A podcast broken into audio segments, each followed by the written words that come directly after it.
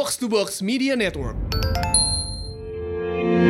Indonesia sedang membutuhkan talenta di bidang digital seperti software developer, digital marketer, data scientist, serta UX designer dalam jumlah yang cukup besar. Asumsi berkolaborasi dengan Purwadika Startup and Coding School membuka kesempatan beasiswa 100% kepada 8 orang terpilih untuk dapat mengikuti program Job Connector, di mana para lulusan dari program ini akan diberikan koneksi pekerjaan di lebih dari 500 perusahaan hiring partner Purwadika. Ini saatnya kamu untuk raih kesempatan mendapatkan beasiswa 100% persembahan dari Asumsi dan Purwadika. Cek selengkapnya di www.purwadika.com/asumsi.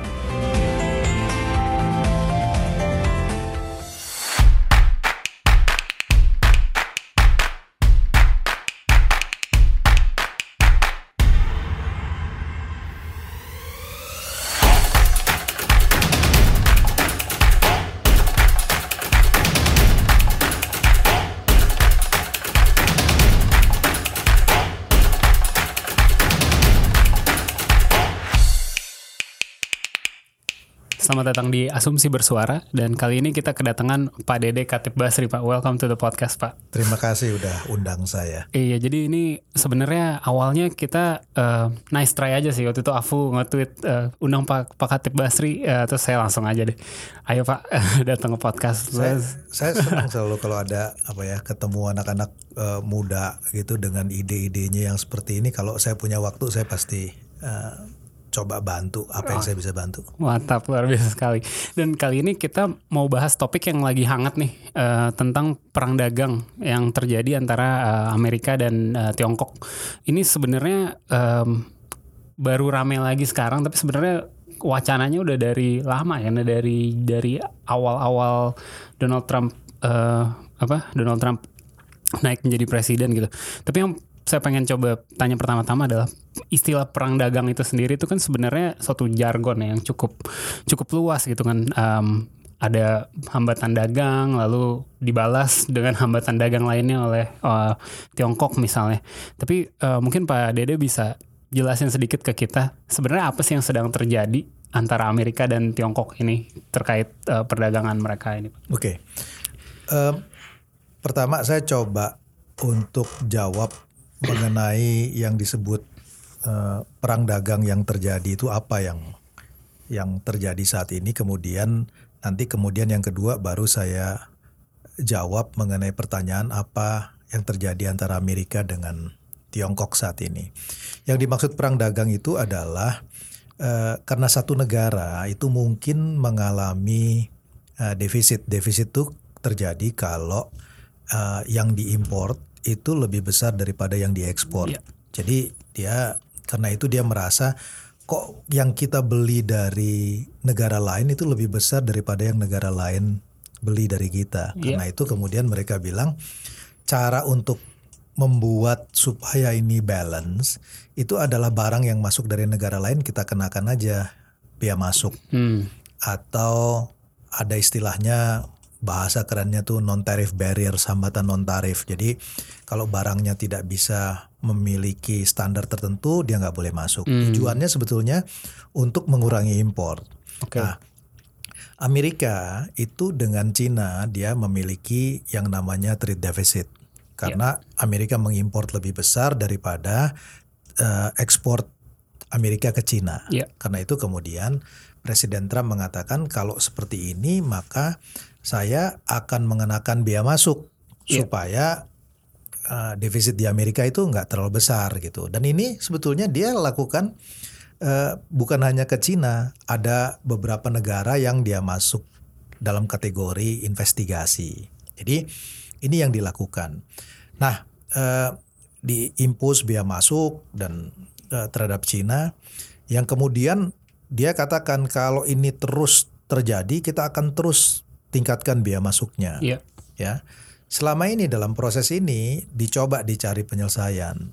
Tapi di dalam waktu terakhir itu Cina juga merespon. Dia bilang kalau Anda naikin biaya masuk di sana, kenapa kita nggak boleh naikin biaya yeah. masuk juga? Hmm. Inilah yang terjadi namanya trade war. Okay. Karena kedua negara itu retaliate atau melakukan pembalasan untuk uh, menahan import dari kedua negara. Nah, pertanyaannya adalah kenapa kemudian ini terjadi? Ya. Ya, apakah sekedar mengenai defisit perdagangan Amerika kalah dibanding Cina? Kalau itu yang terjadi, mestinya dengan Indonesia juga dilakukan. Iya, karena kan? Indonesia juga surplus, Surplus. terhadap Amerika ya. ya karena beberapa negara juga dilakukan. Iya. Amerika memang mengkategorikan itu dalam investigasi, tetapi kenapa yang diutamakan Cina? Mungkin penjelasannya satu karena memang defisit perdagangannya dari Cina itu besar sekali, jadi dia fokus pada yang itu.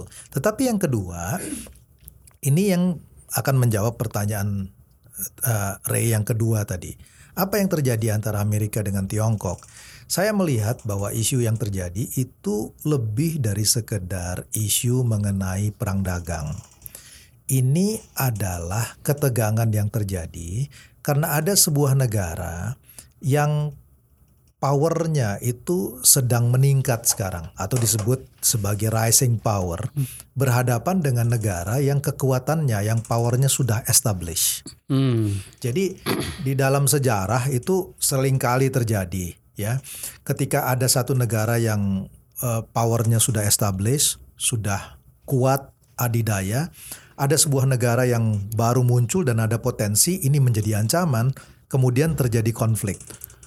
Oke, jadi menurut menurut Pak Dede ini sebenarnya jauh lebih dari sekedar uh, trade deficit aja gitu. Karena Persis. karena kan sebenarnya kalau ada satu negara punya ne- um, defisit neraca perdagangan sama satu negara lain ya bukan secara keseluruhan itu kan sangat wajar ya. Udah Sangat wajar. wajar aja kita defisit misalnya sama satu negara tapi sama negara lain kita surplus. Karena kan itu namanya perdagangan internasional kan nggak bisa kita surplus sama semua orang. Betul. Kayak buat apa? Jadi men- jadi lebih ke arah uh, ada ketakutan dari Betul. dari Amerika jangan sampai um, status adidayanya dia kalah suatu saat nanti sama sama Tiongkok gitu. Betul. Karena itu saya melihat itu sebabnya isunya sekarang itu bergeser dari isu perdagangan kepada teknologi. Misalnya Huawei itu masuk dalam blacklistnya. Kemudian dia bicara mengenai 5G, nanti impactnya kepada intelijen.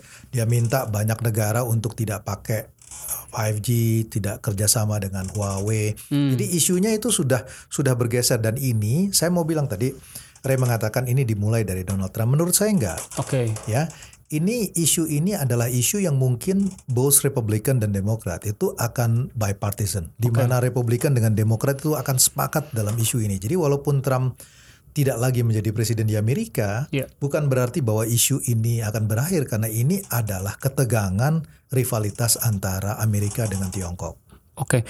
Sebenarnya kan eh, kalau kita menaruh ini yang saya pelajari waktu kuliah dulu di kelas Bapak.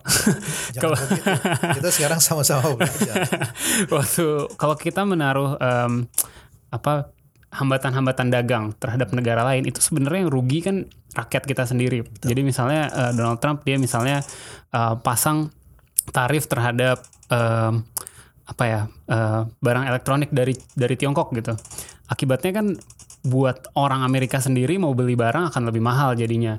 Kemudian kalau misalnya terjadi eh, retaliasi yang dilakukan sama Cina kalau nggak salah eh, ditaruh tarif terhadap eh, kedelai Amerika gitu kan, Eh, di mana itu juga adalah eh, konstituennya Donald Trump gitu. Itu em, kok kok kenapa itu bisa punya support bipartisan kalau itu sebenarnya suatu kebijakan yang harusnya nggak populer gitu karena buruk buat si rakyatnya sendiri gitu. Ini pertanyaan kamu pertanyaan yang bagus sekali dan ini adalah uh, basic question di dalam political economy karena kalau secara konsep itu kita tahu kalau perdagangan bebas dilakukan orang bisa memperoleh barang dengan harga lebih murah maka konsumen diuntungkan dan semua orang adalah konsumen. Semua Iya. produsen adalah konsumen tetapi semua konsumen belum tentu produsen. Jadi mestinya lebih banyak orang yang suka dengan barang yang murah ketimbang barang yang mahal karena yang suka barang mahal itu adalah produsen Iya, kan. iya. Nah, jadi karena konsumen lebih besar daripada produsen, mestinya ini disupport. Tapi prakteknya itu tidak terjadi seperti itu. Karena apa? Ini yang disebut sebagai non economic factor. Karena ada rasa sentimen nasionalisme. Hmm. Jadi orang bilang kok produknya didominasi oleh buatan Cina, mana ini buatan Amerika. Iya. Ah, Hal yang sama juga terjadi di sini. Iya betul. Ya kan? Kalau kita lihat misalnya dalam kasus beras, itu kita net consumer di dalam orang miskin itu orang miskin nggak punya tanah, Iya. ya. Dia bekerja di di sawah itu sebagai petani gurem. Dia dibayar, ya. Jadi kalau harga beras murah dia sebetulnya diuntungkan. Karena dia tuh harus beli, Beli. beras juga. Yang diuntungkan kalau harga beras mahal itu adalah pemilik lahan. Iya, Dan pemilik tanahnya. lahan itu bukan petani miskin. Oke. Ya, tetapi faktanya orang akan mengatakan ini kalau misalnya impor beras dibuka itu petani akan kena, penduduk miskin akan kena. Sentimen emosional Iya. seperti economic nationalism itu itu prevail di mana-mana. Dan Iya. itu bukan hanya unik di Indonesia, di mana pun di dunia terjadi. Jadi kita harus taken into account, kita harus masukkan faktor non ekonomik ini. Ya itu satu. Kemudian mungkin juga di belakang itu ada isu mengenai yang disebut sebagai ekonomi rente. Hmm. Karena dia tidak bisa compete terhadap orang luar, dia lobby lah Oke. si pemerintah. Nah, kalau Anda sebagai konsumen, Anda lakukan lobby itu nggak akan efektif. Karena semua orang itu banyak jumlahnya dan orang akan bilang biarin aja dia yang lakuin lobby, kita nggak usah. Iya. Tapi kalau Anda jumlahnya sedikit, itu Anda akan sama-sama diorganisirnya gampang untuk melakukan lobby. Apalagi kalau di Amerika lobbying itu kayak udah institutionalized dan boleh-boleh aja gitu kan kayak bisa bikin kelompok uh, lobbying sendiri untuk me- supaya undang-undang apa bilang apa. Tapi terkait perang dagang ini ap- apa ada lobby siapa di sini Uh, untuk supaya supaya uh, naruh naruh um, hambatan dagang terhadap produk-produk Tiongkok. Saya kira dua hal itu menjadi uh, matter sekarang ya. Ini yang di disebut oleh Danny Roderick tuh dengan ada satu papernya yang dia tulis tuh How to Save Globalization from uh, uh, its cheerleaders. Jadi kadang-kadang orang yang apa ya pendukung globalisasi ini juga terlalu berlebihan. Akibatnya counterproductive. Semuanya mau dilepas, nggak ada proteksi, sehingga itu kemudian menimbulkan reaksi. Nah, Roderick itu mengatakan kalau ingin globalisasi ini survive mesti ada peran dari national policy. Kalau enggak ini akan ada orang akan yang kalah itu pasti akan kan di dalam globalisasi pasti ada kelompok yang kalah. Iya. Anda harus kasih kompensasi sama mereka. Nah, yang terjadi di Amerika, mereka lihat di dalam berapa tahun apalagi dengan gejala penduduk lansia ke depan, ada kemungkinan mereka akan kalah. Kalau mereka akan kalah, kemudian dia lihat ini produk datang dari China banyak sekali. Sekarang Anda lihat kalau lihat posisi-posisi penting di Amerika itu sebagian besar CEO atau rektor di universitas itu either Chinese or Indian. Iya. 60% orang di Silicon Valley itu Chinese or Indian. Iya. Rasa seperti itu itu sesuatu yang normal akan menimbulkan resistensi. Orang akan bilang ini kan negara kita. Iya. Nah, itulah yang kemudian diartikulate oleh Donald Trump di dalam kampanye pada waktu dia mau masuk sebagai menjadi presiden. Hmm. Sehingga sentimen ini orang melihat, oh ada satu presiden yang bisa mengartikulasikan perasaan kita. Karena itu isu ini menjadi isu yang disupport secara nasional. Oke. Memang akademik, intelektual bilang ini nggak benar, tetapi kan mereka minority, Iya. ya kan? Ya, ya. Em, terus juga ini eh, Pak Dede, kan Tiongkok ini kan sebenarnya juga adalah kreditur terbesarnya Amerika kan. Jadi dia selain dia em, mungkin dia karena dia ekspor begitu banyak barang ke Amerika, akhirnya eh, hasilnya bisa dipakai untuk dia beli em, utang dari Amerika. Maksudnya beli treasury bills, beli segalanya. Ini bukankah membuat dia buat membuat Tiongkok harusnya ada di posisi yang lebih kuat gitu. gue jual aja nih eh, T-bills tuh nanti bu, eh, lu cari utang di tempat lain lagi susah kan nanti jadinya. Itu nggak takut ya Amerika eh, terhadap ancaman itu atau sebenarnya itu nggak val- nggak valid karena Cina juga nggak mau nggak mungkin juga melakukan itu. Ini ini pertanyaan yang bagus ya. Saya bulan sekarang bulan Juni ya. Iya. Ya, bulan Mei lalu itu ada yang namanya Astana Economic Forum. Hmm. Jadi berapa pemimpin dunia, ekonom dunia itu kumpul di sana semacam Davos lah Kazakhstan ya. di Kazakhstan. Iya. Nah, salah satu yang dibahas itu isu pertanyaan kamu, persis itu. Ya, kalau ada Justin Lin itu chief economist mantan chief economist World Bank dari eh, Tiongkok. Dia ditanya, jadi ada satu panel ada Stanley Fischer bekas deputinya ada Fed, kemudian ada Morris Opsfeld, kita sama-sama duduk du- di situ, kemudian kita bahas. Kita coba analisa apa kira-kira reaksi dari Cina dari Tiongkok. Salah satunya adalah kenapa dia nggak jual aja obligasi. Ini Yeah, buat yang yeah. nggak familiar, ekonom tuh senang bicara dalam bahasa yang nggak dimengerti orang gitu ya. Dan Yeah. kalau orang makin bingung, makin bagus dia sebagai ekonom. yang namanya US Treasury itu sebetulnya adalah obligasi yang dikeluarkan pemerintah US. Jadi pemerintah itu berhutang kepada masyarakat dengan beli obligasi. Surat itu, utang negara Surat ya. utang negara. Namanya SUN di sini. Iya. Nah itu dibeli oleh Cina. Jumlahnya lebih dari satu triliun dolar, 1,14 kalau nggak salah. Jadi bisa dibayangkan kalau tadi anda bilang Cina jual surat utangnya, pasti jatuh dong. Iya. Ya, yang terjadi apa? Kalau surat utang dijual, supply dari obligasinya naik, harganya turun, maka yieldnya akan naik. Betul. Kalau yieldnya akan naik, maka tingkat bunga di Amerika itu pasti akan naik. Iya. Kalau tingkat bunga di Amerika naik, mata uang dolar menjadi terlalu kuat, ekspornya nggak kompetitif. Iya. Akibatnya Amerika akan jatuh. Iya. Nah, itu kira-kira logikanya. Iya. Nah, pertanyaannya adalah, kenapa nggak Cina lakukan itu? Nah, sekarang coba kamu bayangkan posisinya dalam posisi kamu pegang bond. Hmm. Tentu kita kan mau jual bond kalau harganya lagi tinggi dong. Iya. Kalau nggak kita rugi. Kita beli bond 100, kita mau jualnya 150. Betul. Kalau kita beli 100 kita jual 70 rugi dong. Iya. Nah kalau Cina menjual bondnya secara bersamaan sekaligus, yang terjadi kan supply bondnya naik. Oke. Jadi dia jual serat, dia beli 100, dia akan jual di harga mungkin 70 kan. Jadi rugi dia. Dia jual rugi kan. Nah Oke. karena itu Cina menurut saya tidak akan lakukan. Walaupun Stanley Fisher mengatakan di dalam kondisi terdesak itu bisa saja digunakan sebagai bargaining game. Oke. Karena kalau dia tiba-tiba jual, kemudian interest rate di Amerika naik, paling tidak itu akan membuat policy maker di Amerika berpikir, Kejang-kejang. ya, ya, walaupun tentu ada jawabannya lagi. Eh, obligasi pemerintah Amerika ini laku di seluruh dunia. Jadi kalau Cina jual akan ada Akan orang ada yang lain beli. Jadi karena itu mungkin menurut saya Cina tidak akan memilih jalan itu. Sampai sekarang masih diper, masih tingkat kepercayaan terhadap uh, obligasi Amrik di seluruh dunia masih tinggi. Ya? Sayangnya begitu. ya, dia become yang disebut sebagai safe haven. Safe haven. Oke, oke. Em, Pak, eh, kita coba kaitkan ke Indonesia dikit lah. Jadi eh, waktu itu Pak Dede juga sempat nulis kalau em, terkait dengan perang dagang yang terjadi di Amrik, salah satu masalahnya adalah kita itu eh, masih paling banyak kan produsen barang mentah dan juga pasar ekspor salah satu yang paling besar kita juga ke Tiongkok kan gitu. Jadi kalau misalnya eh, perdagangan antara Amerika dan Tiongkok ini em, berkurang, otomatis ngefeknya ke kita ya harga komoditas ekspor kita turun dan ya pokoknya kita akan terkena dampak yang sangat negatif ter- te- te- tentang ini. Ap- em, apa yang bisa dilakukan buat mitigasinya? Oke, saya pertama sebelum saya jawab itu saya kira-kira garis besar impactnya gini. Iya. Bayangkan ada penyakit menular. Ya, Ya. Cara yang paling baik mengatasi penyakit menular apa? Anda nggak keluar rumah.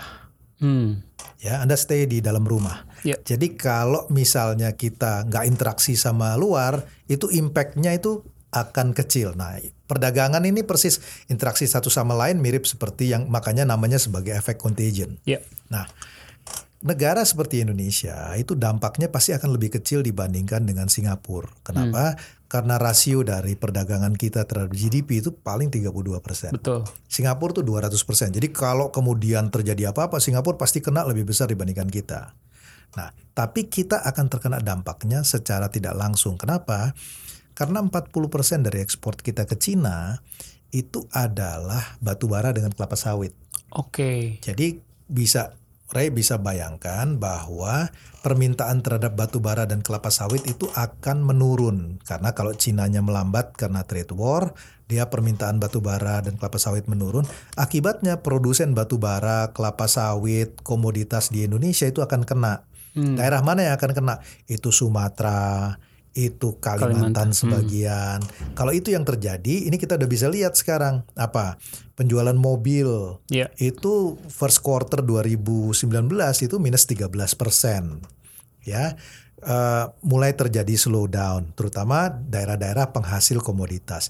Kalau itu yang terjadi, maka konsumsinya akan melambat. Kalau konsumsi akan melambat, maka orang itu tidak mau invest banyak. ya, Karena kalau permintaan nggak ada, buat apa saya tambah produksi Iya. kan gitu kan? Iya. Kalau dia tidak menambah investasi, maka konsumsi sama investasinya akan melambat. Iya.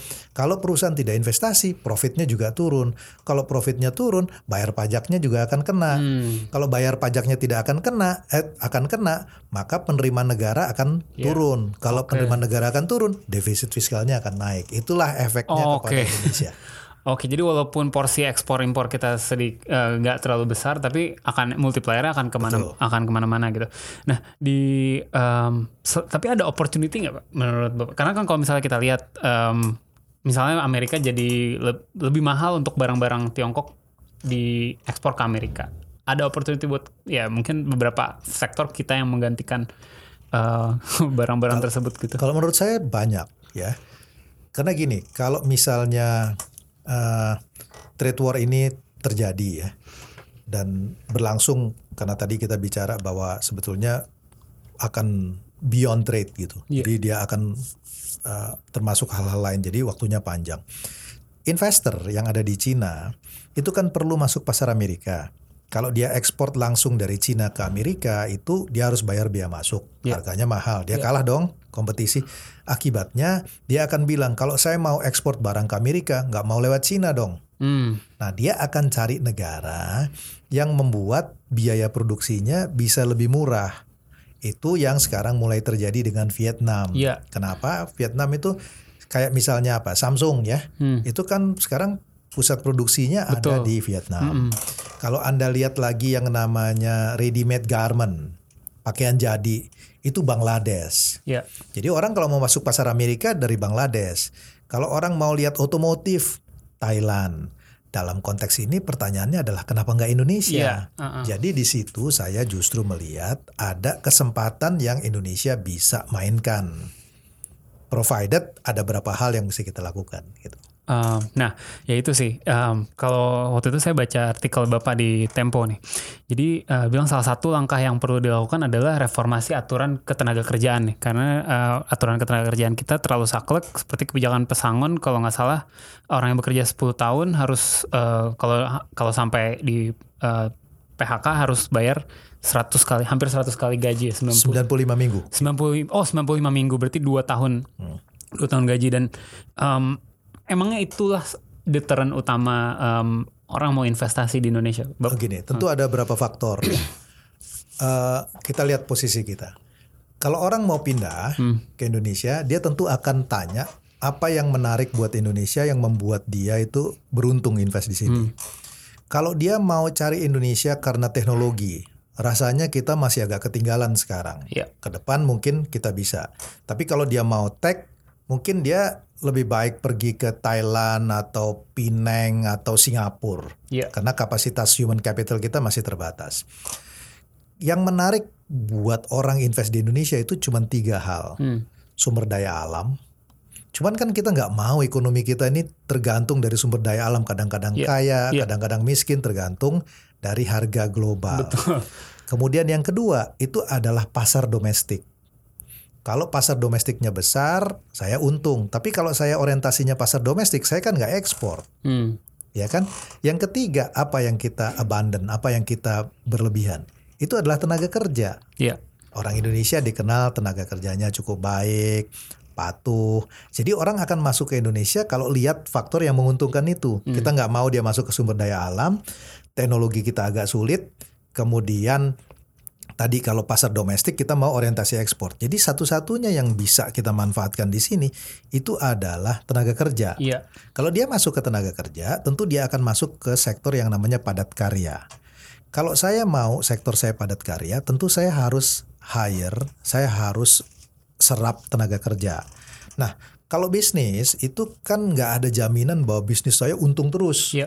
Kalau ada bisnis begitu ada asuransi keuntungan namanya, ya kan? Tapi kan di dalam bisnis kadang untung, kadang rugi. Iya. Kalau saya lagi rugi, itu kan jumlah pekerja saya saya bisa downsizing Hmm. saya turunin. Kalau saya kemudian ketika saya mau nurunin, saya harus bayar gajinya 95 minggu. Saya nggak sanggup. Hmm. Sementara di Vietnam itu cuma 60 minggu. Negara komunis tuh padahal. Ya, ya, padahal 60 minggu Iya. gitu. Jadi orang akan bilang, wah saya kalau mau masuk Indonesia saya nggak mau, apalagi dari awal saya udah harus cadangkan uangnya. Oh, Oke. Jadi yang terjadi orang masuk ke sini, ya dia nggak mau ambil tenaga kerja tetap, Hmm. dia maunya tenaga kerja kontrak. Nanti kalau mau habis batas waktunya diberhentiin. Ya. Setelah itu setelah diberhentiin dia rehire lagi. Hmm. Jadi mereka itu apa namanya kucing-kucingan. Nah justru dengan ini tenaga kerja kita itu tidak terlindungi, tidak terproteksi karena nggak jadi tenaga kerja tetap. Jadi yang- informal malah, Betul. iya. Jadi peraturan tenaga kerja ini itu acts like a hiring tax. Jadi seperti pajak orang untuk nyerap tenaga kerja. Investor menghindari ini. Itu yang menjelaskan kenapa share dari sektor padat karya manufacturing terhadap GDP itu terus turun di dalam 15 tahun terakhir. Karena orang menghindari sektor itu, dia masuk ke sektor padat modal, Ya. dia masuk ke sektor sumber daya alam. Ya. Itu yang menjelaskan kenapa investasi kita di SDA naik terus. Akibatnya apa? Ketimpangan terjadi karena gaji orang kecil sementara return dari sumber daya alam atau padat modal Lebih itu besar. naik. Oke, ini sebenarnya menarik banget karena eh, ketika orang bicara oh, deindustrialisasi, deindustrialisasi, orang nggak mau bikin pabrik, nggak mau bikin apa, justru jarang sekali di- dibahas bahwa, bahwa faktor utamanya adalah eh, aturan ketenaga kerjaan kita yang sakut. Betul, itulah yang kadang-kadang kita suka sulit untuk menerima. Maksud yang mulia itu tidak selalu berakhir dengan hasil yang mulia. Hmm. Karena yang dirugikan justru dengan maksud yang mulia untuk melindungi tenaga kerja itu adalah justru tenaga kerjanya sendiri. Yang dinik yang menikmati aturan tenaga kerja ini itu mereka yang udah di dalam. Iya. Makanya ada istilah tuh dual labor market, insider dengan outsider. I see. Kalau udah menjadi bagian dari serikat buruh, Senang. udah menjadi bagian dari uh, tenaga kerja formal, senang gitu kan. Naik naik terus UMR segala Betul. macam. Tapi untuk yang di luar mau masuk Itu nggak bisa. itu nggak bisa karena orang nggak buka baru. Betul. Padahal jumlah orang yang mau masuk itu lebih besar daripada yang ada di dalam. Hmm, dan yang di dalam bisa bikin lobby tadi. Betul. Sementara yang di luar nggak mungkin bikin lobby kayak gitu. Nah pertanyaannya kemudian em, ini kan berarti sangat tidak populis. Misalnya saran bapak ini di, diambil oleh eh, Pak Jokowi gitu ya. Ini kan kebijakan yang yang sangat nggak populis gitu. Dan apakah menurut Pak Dede nih, walaupun eh, Pak Jokowi punya mandat segar nih, baru aja kepilih lagi dengan eh, apa suara yang jauh lebih jauh lebih banyak dari tahun sebelumnya, apakah dia berani kira-kira untuk bikin em, kebijakan yang nggak populis kayak gini tapi yang benar gitu it's a bitter pill to swallow tapi kita mungkin perlu Gini, saya saya tentu di dalam hal ini saya spekulasi. hmm oke Karena yang paling mengerti mengenai Pak Jokowi sendiri tentu adalah Pak Jokowi sendiri. Iya. Ya kalau orang mengklaim tahu itu nggak akan tahu seperti Pak Jokowi sendiri lah. Iya. Jadi yang saya lakukan hanya membaca dari informasi yang terjadi, base analisisnya seperti itu. Itu kalau nggak salah Pak Jokowi membuat statement di media, uh, beliau mengatakan bahwa 2024 itu saya tidak akan terpilih lagi sebagai presiden. Jadi karena udah dua kali. Iya. Jadi saya tidak perlu terlalu khawatir untuk tidak populer. Karena itu saya bisa melakukan apa saja, melakukan reform apa saja yang baik buat negara ini tanpa perlu khawatir saya tidak akan terpilih lagi. Iya. Jadi he will do whatever it takes to do reform to improve apa namanya ekonomi dari negara ini. Dan itu genuine. Kalau saya lihat statement itu dari statement itu, saya lihat itu genuine dan itu kita bisa berharap banyak bahwa Pak Jokowi akan melakukan itu. Iya. Persoalannya adalah willingness to reform itu satu hal, Hmm. tapi implementasi itu adalah hal lain Oke.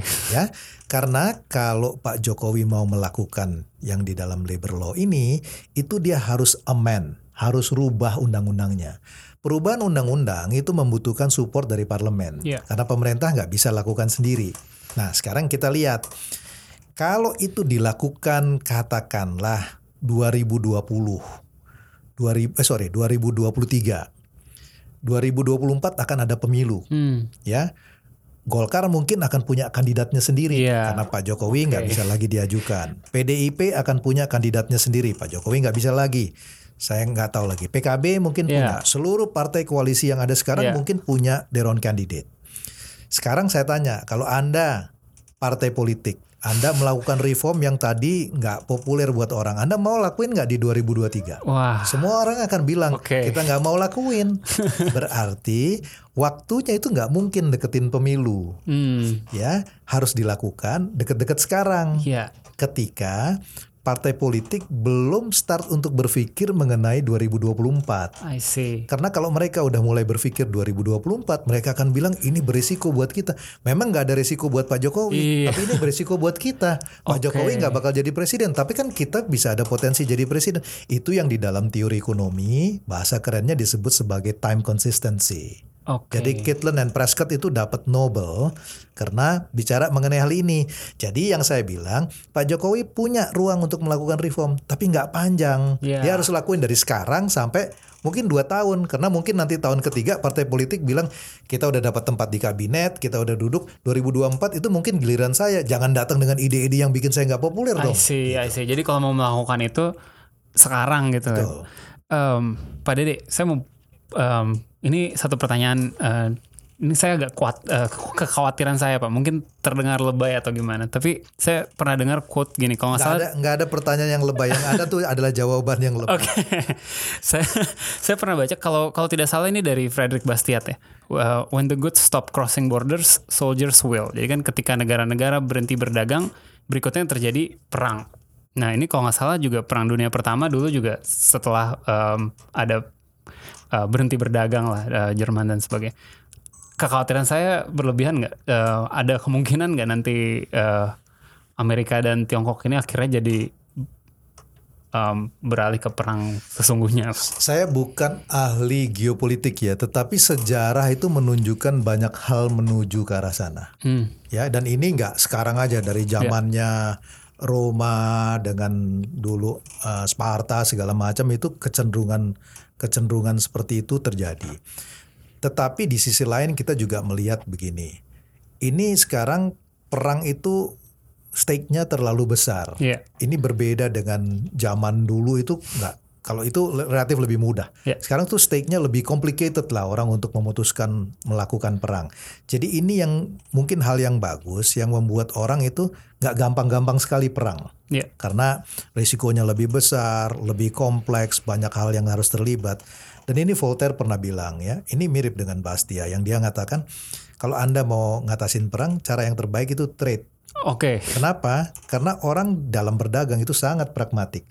When the price is right, I'm your man. Oke. Ya, gitu kita nggak senang denger ini. Tetapi itu betul kalau orang dagang itu kalau harganya cocok dia berteman. Jadi anda lihat antara eh, Cina Taipei ya, Taiwan dengan dengan Tiongkok misalnya, itu hubungan kedua negara itu jelek, tetapi trade-nya tinggi. Hmm. Ya, jadi orang bisa aja nggak suka satu sama lain, tapi trade-nya itu bisa terjadi. Itu yang kemudian mengikat hubungan kedua negara itu tetap terjadi. Makanya saya khawatir kalau trade tension ini terus meningkat, itu yang kemudian membuat ekonominya at stake, itu yang mendorong uh, persoalan dari geopolitik.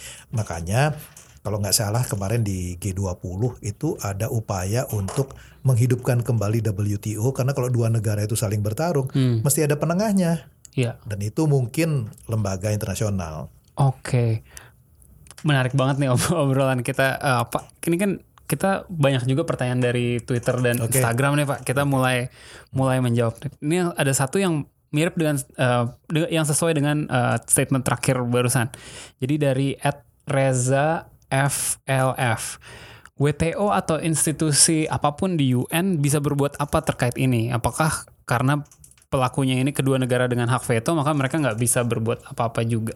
Ada giginya nggak sih WTO ini? Sekarang nggak ada. Oke. Tapi itu harus di di revive, dihidupkan kembali. Makanya di eh, G20 kemarin itu eh, berapa akademik termasuk dari Indonesia itu propose supaya G20 karena logikanya sederhana, Re. Kalau dua orang berantem itu mesti ada wasitnya. Ya. Ya kalau enggak gimana? Berantemnya itu akan terus-terusan. Hmm. Dan itu yang paling mungkin adalah WTO. Jadi ini bisa mau tidak mau harus dihidupkan kembali. Jadi negara-negara memang hasilnya kemarin masih belum menggembirakan, tapi kita kita harus tetap fight supaya peran dari WTO ini bisa dihidupkan. Karena kalau konfliknya bilateral, Anda mesti cari pihak Iya. ketiga dan itu adalah uh, WTO. Oke, oke, menarik. Dari Ed Akmal Agassi, saya tertarik uh, dalam tanda kutip kart, dalam tanda kutip kartu as uh, Cina yakni ekspor mineral tanah jarang atau rare earth rare, rare earth minerals.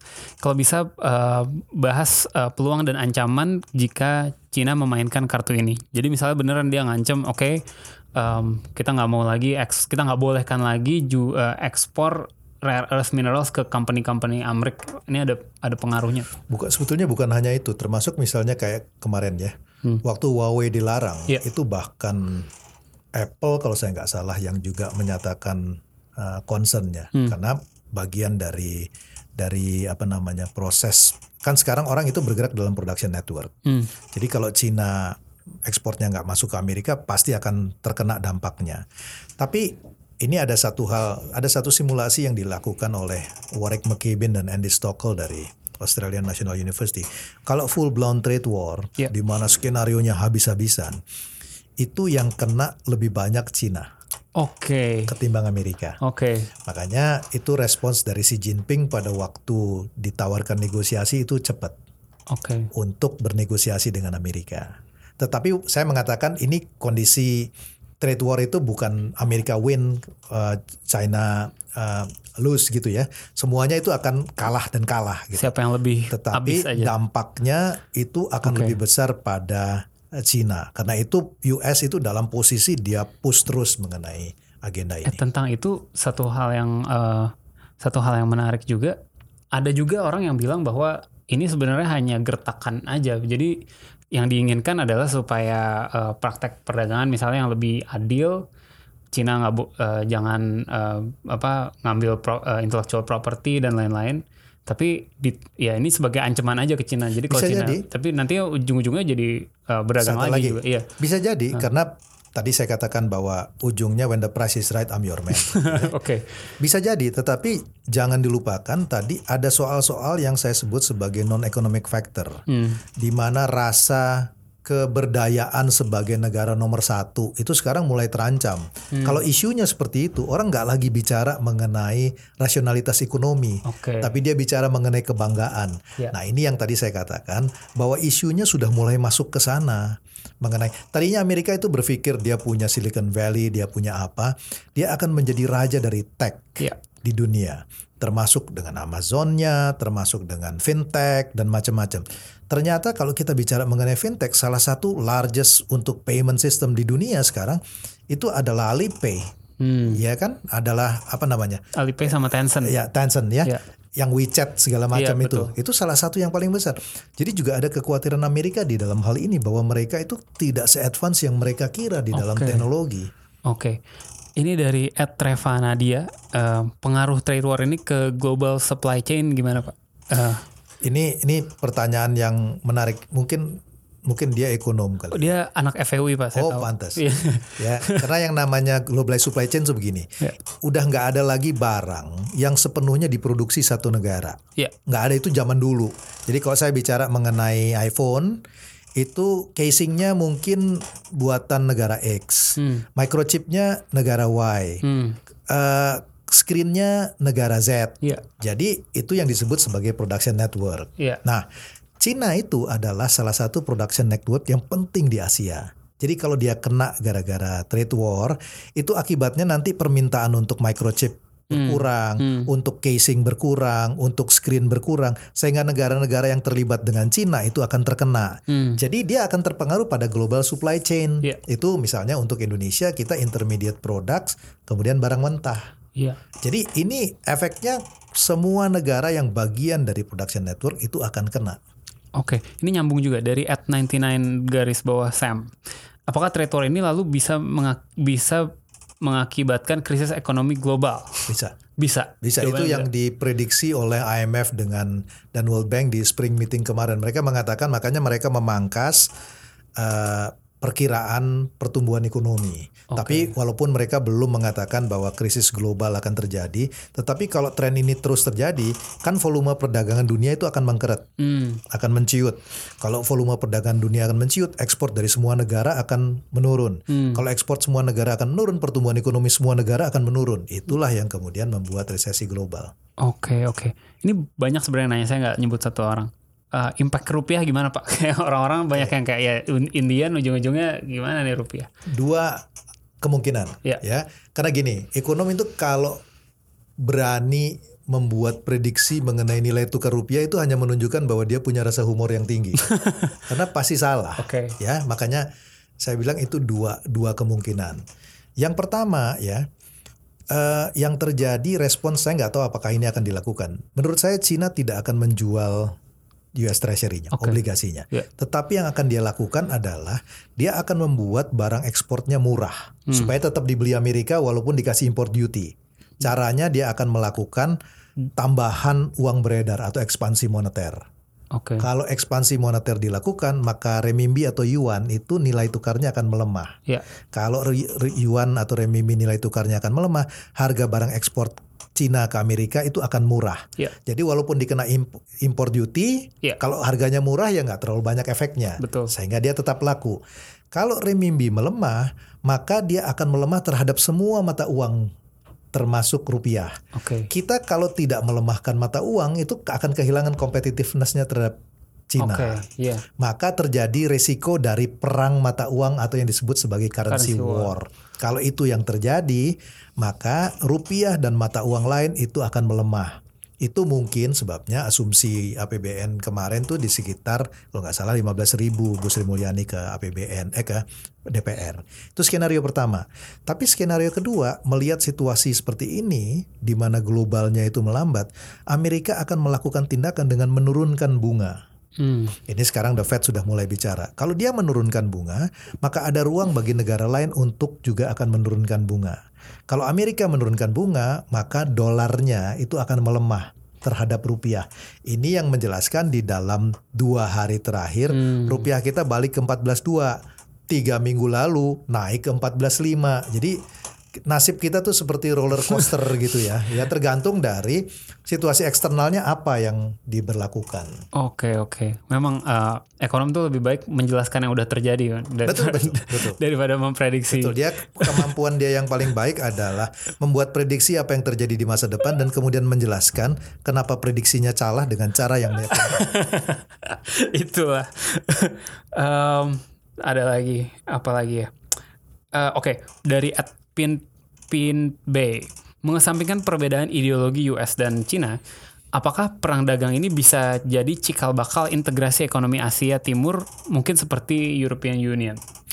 Kita belajar dari European Union kalau single currency rasanya enggak. Oke, Ya, karena ternyata single currency itu menimbulkan masalah gitu. ya, Tetapi saya melihat bahwa kalau kemudian pasar global terganggu, maka negara-negara di Asia mau tidak mau itu akan fokus kepada intra-trade-nya. Hmm, ya itu adalah ASEAN dan Asia Timur itu yang disebut sebagai uh, apa namanya regional trade di East Asia. Ya. Tapi ini harus dilakukan dengan yang namanya terbuka semua orang boleh jadi member atau open regionalism. oke, oke. Dari at ig, dari at underscore Raffi Muhammad. Trump beberapa waktu lalu menyatakan mencabut India dari daftar GSP, ini Generalized System of Preferences, yang membebaskan bea masuk eh, untuk ekspor barang ke Amerika dari negara-negara tertentu untuk beberapa jenis barang. Men- apakah mungkin terjadi ke Indonesia juga?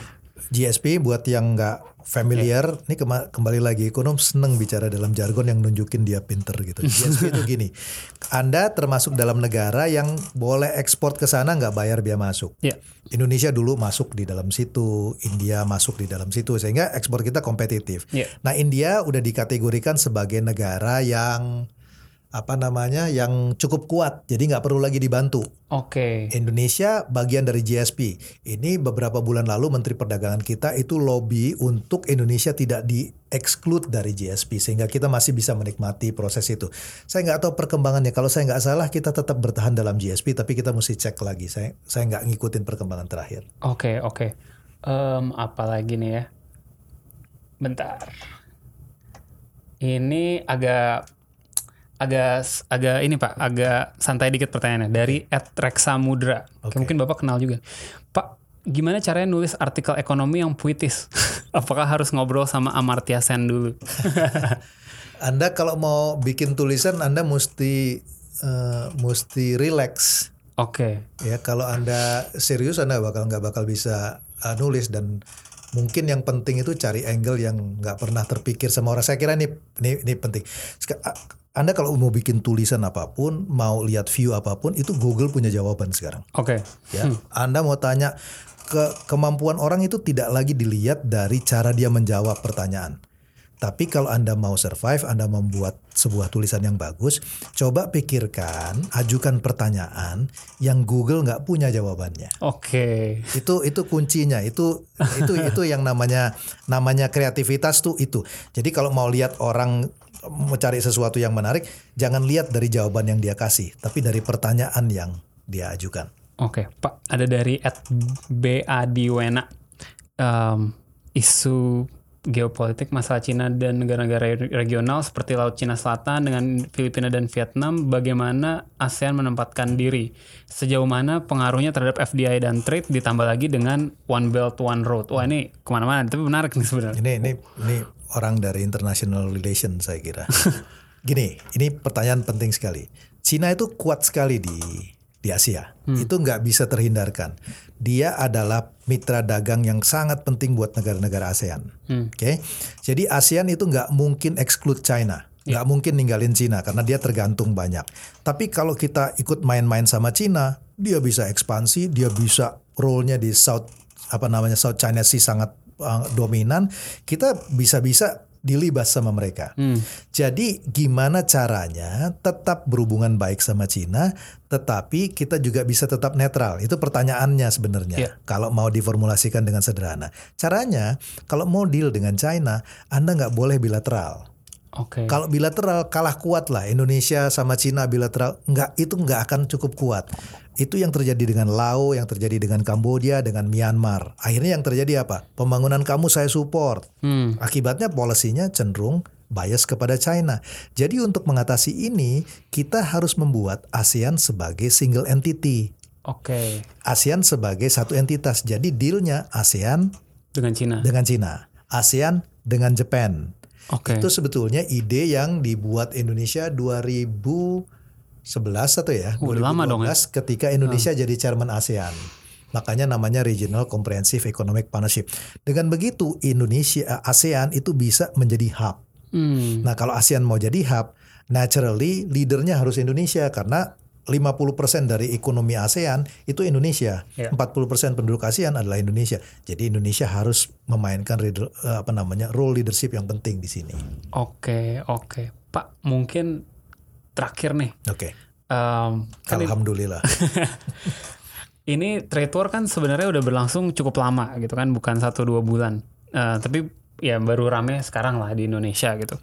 Kira-kira apa sih yang orang Indonesia tuh belum tahu tentang ini dan belum dibahas hari ini gitu ya. Kita karena negara kita besar hmm. dan dampak dari peran dari perdagangan itu relatif kecil, kita selalu merasa bahwa negara kita tuh center of the universe. Gak ada hmm. negara lain di dunia, makanya kita sibuk dengan diri kita sendiri aja, seolah-olah gak ada negara lain di dunia. Yeah. Jadi dampak dari trade war itu nggak kelihatan seketika seperti orang di Singapura. Yeah. Kalau Singapura itu karena ekspornya 200% dari GDP, dia begitu khawatir. Tapi nanti dampaknya itu akan terasa ketika harga komoditas turun, tiba-tiba uh, konsumsinya turun. Nanti orang akan bilang, kok daya beli turun sih? Ini hmm, pemerintah hmm. gimana sih? Nah, ketika itu orang baru mulai mulai melihat mengenai dampak dari trade war.